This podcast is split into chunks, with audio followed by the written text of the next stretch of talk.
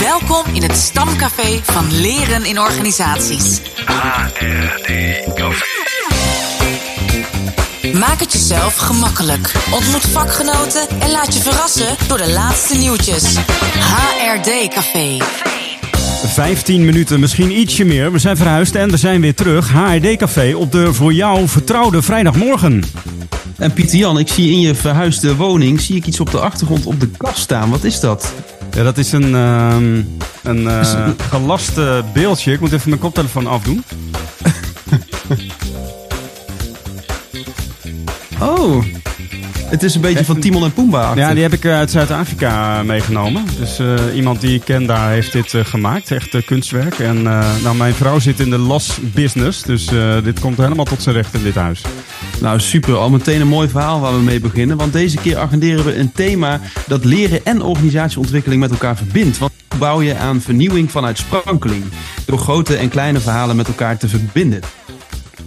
Voor de HRD Event Radio podcast en de FCE On Air podcast sprak jij Pieter Jan met uh, Martijn van Ooyen. Uh, hij werkt als veranderingskundige bij de Learning Company en promoveerde op verhalen en veranderprocessen.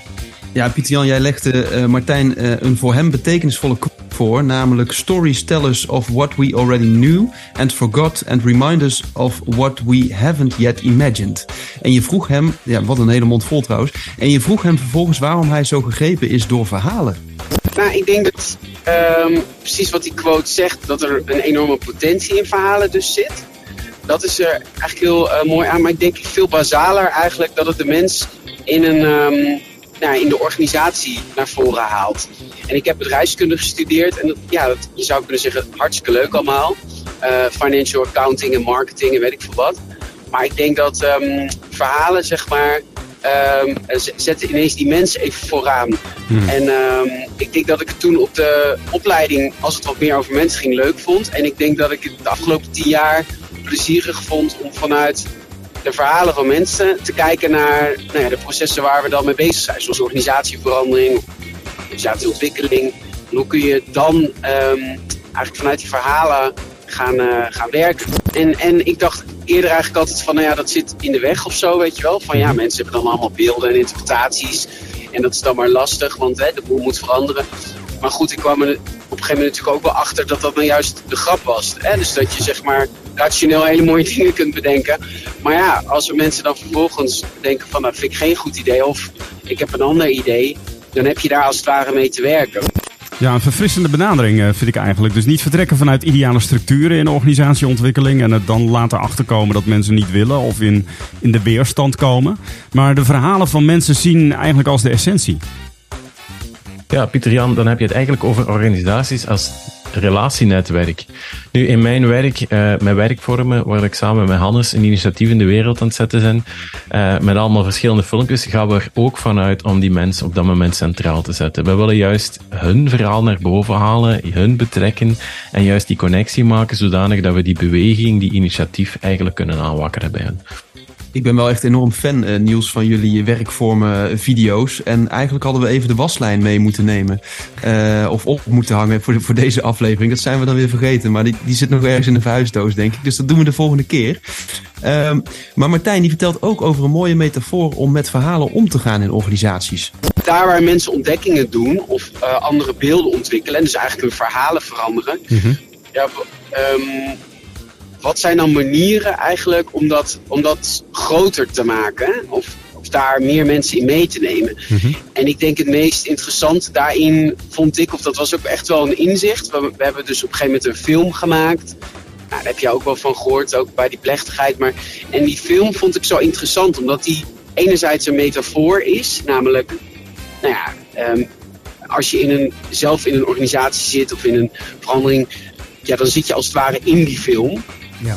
Ja, en uh, je kan er eigenlijk vaak niet echt naar kijken, want je zit er middenin, zeg maar. Ja. Maar ik denk dat wij vanuit onze professie juist dat, die, dat dus wel kunnen doen. Dus we kunnen mensen eigenlijk helpen om eigenlijk naar zichzelf te kijken, naar hun eigen verhalen en het effect daarvan. Dus verhalend werken is in die zin ook mensen uitnodigen om uit de film uh, te stappen en daar eens naar te kijken. Ja, ik vind het dus echt zo'n leuke vorm en zo'n leuke benadering. Bijvoorbeeld uh, vraag je eens af over uh, vraag je eens af hoe je over jezelf zou praten alsof je een acteur zou zijn in een goede film. Dus nou, misschien moet het gewoon eens even proberen, Dirk. Stel je voor, jij bent steracteur in de film die HRD Café heet. En uh, nou, dan heb je altijd in die, bij die, als je die dvd's kocht vroeger, dan had je ook altijd zo'n extra menu. En dan kon je de, de, de, de, interviews met de acteurs uh, bekijken. En dan vertelden zij over hun karakter. Uh, zeg maar backstage. Dus stel je voor dat ik jou dan backstage ga interviewen over jouw eigen karakter. Hoe omschrijf je jezelf dan oh. in deze film? Ja, je weet natuurlijk, ik, ik heb vroeger altijd acteur willen worden. Dus dit is een vraag die, waarvan ik dan de druk voel om een leuk antwoord te geven. Maar uh, Pierce Brosnan komt in me naar boven. Mijn favoriete James Bond karakter. En hoe, hoe vet zou het zijn als ik dan de Pierce Brosnan van HRD Café ben? Ja, toevallig zag ik van de week weer de film The Thomas Crown Affair. Waarin hij ehm, een meester, ja, dief speelt, zeg maar, die kunst stilt uit een museum. En uh, uh, nou ja, daar zit dan heel veel speelsheid, licht, lichtigheid, lol in of zo. En dat is volgens mij ook wel een beetje hoe ik vanuit HD-café probeer te kijken. Een soort combinatie van recht, naar de, recht naar de essentie en met een bepaalde luchtigheid. En, en ook wel stijl, hè? Engelse stijl. Ja, vind ik wel belangrijk. Ik weet niet of ik mijn stijl Engels zou willen typeren, maar ik, er zit wel veel charme in. Ja, ja dus charme, ik hoop dat ik dat, toch breng. Ja. ja. ja, en, en Niels, in, in welke film zou jij eigenlijk de hoofdrol willen spelen?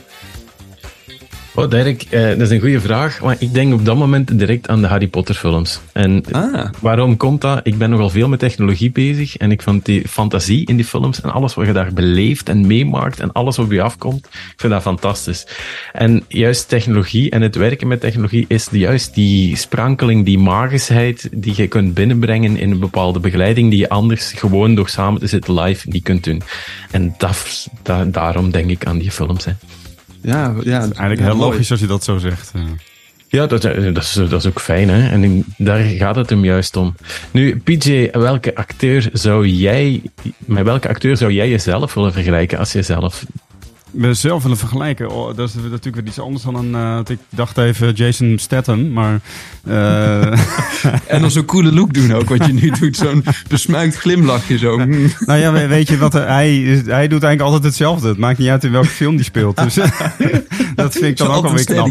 Ja, maar gisteren heb ik de laatste Ted Lasso aflevering uh, ben ik al begonnen met mijn gezin. En. Uh, ja, dat vind ik ook uh, als karakter vind ik uh, Ted Lasso wel echt een groot voorbeeld. Uh, dan hebben we het over Jason Sudeikis, als ik het goed heb. dat is de acteur in ieder geval die Ted Lasso speelt. Maar de manier waarop hij met dat team omgaat en ook een bepaalde luchtigheid. En ook wel stijlderk, maar op een hele andere manier.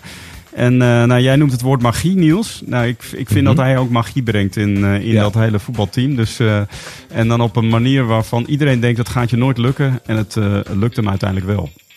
Geweldig, ja. ja. en uh, ik heb me ook, ik heb ja, ook eens betrapt op dat je ook van die Nike schoenen als Ted Lasso een keer hebt aangeschaft. Ja, ja, ja.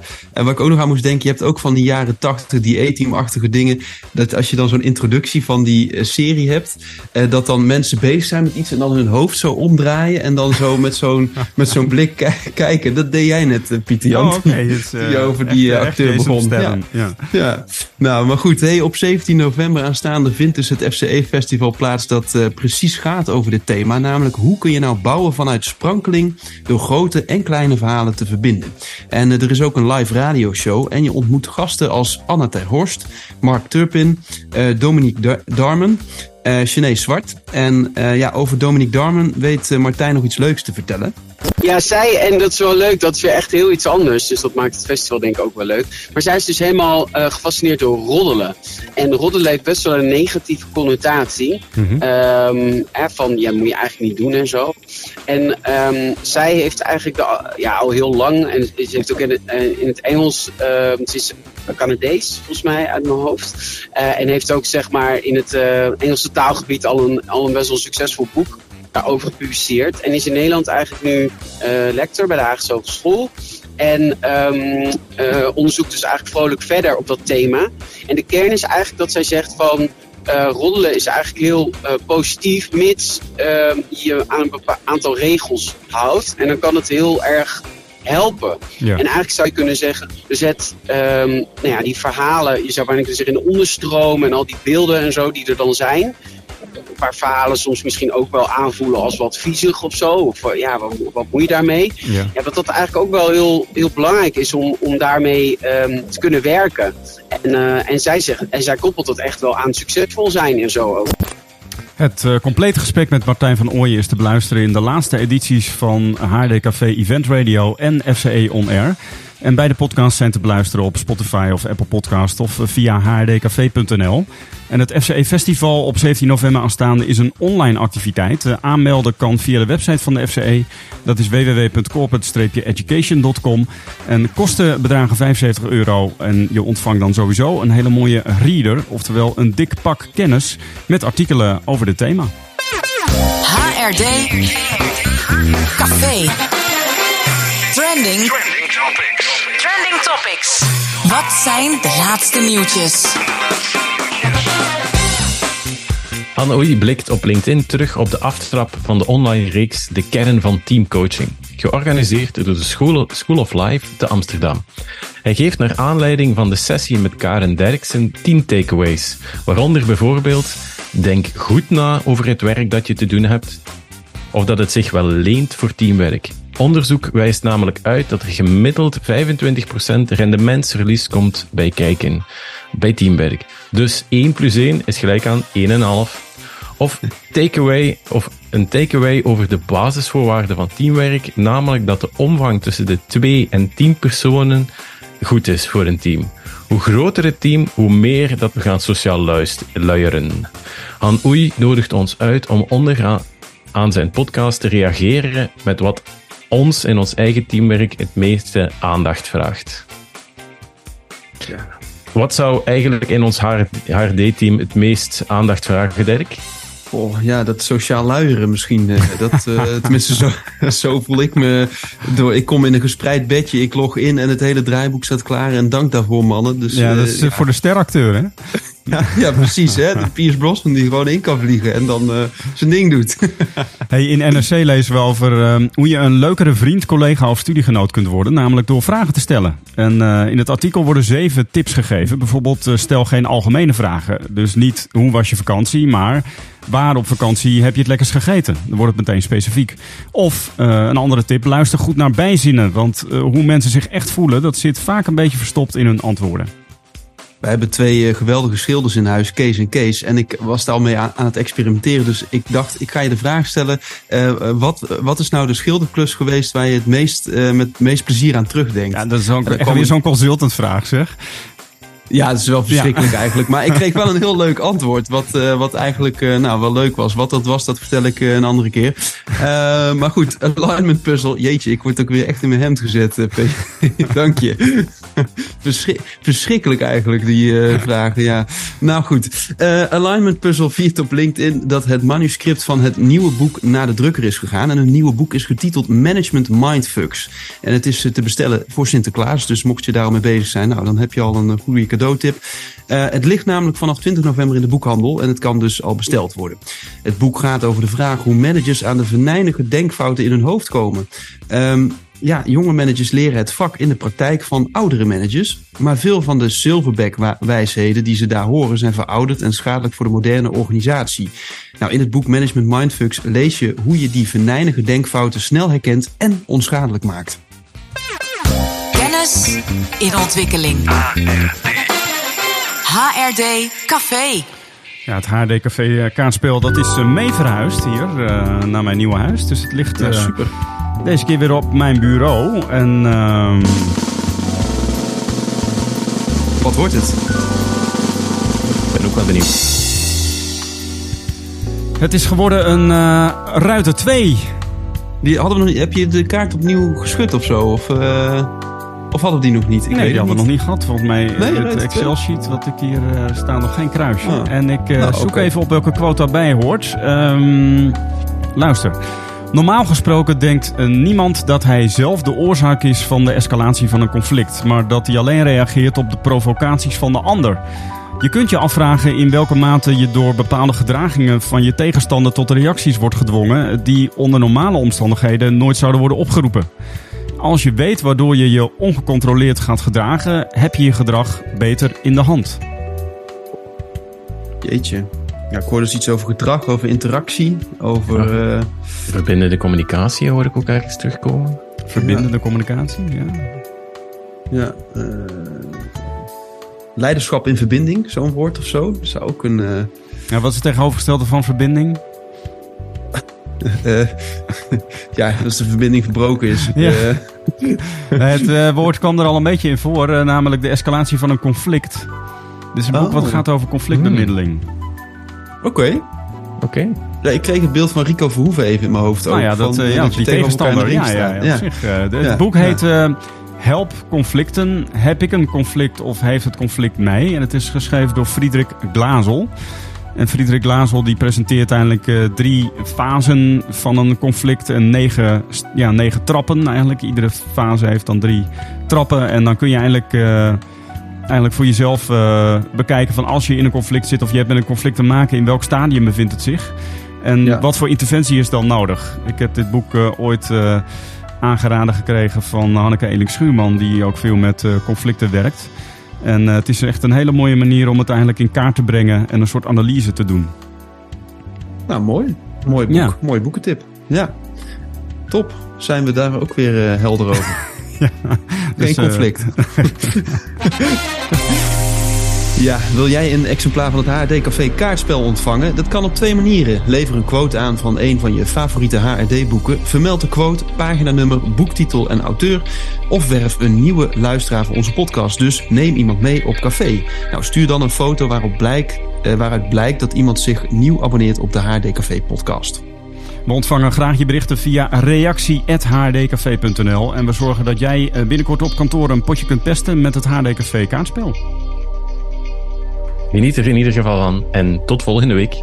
En we ontdekten eigenlijk dat als je dat verhalend bekijkt, dan zou je kunnen zeggen, er zijn kleine persoonlijke verhalen van mensen, ontdekkingen die mensen doen in kleine, kleiner verband als het ware. Ja. Ehm, ehm, nou, dat, dat noemde ik dan in mijn onderzoek personal stories of accounts. en, eh, maar er zijn vaak ook van die grotere processen. Hè? Dus we willen allemaal een beetje veiliger of een beetje eh, zelfsturender worden of wat dan ook. Ja, en hoe verbind je dat nou aan elkaar? Eigenlijk dus die grote verhalen van verandering en die wat kleinere verhalen van verandering. Kessels En Smit. Broadcasting. Every story needs a cast.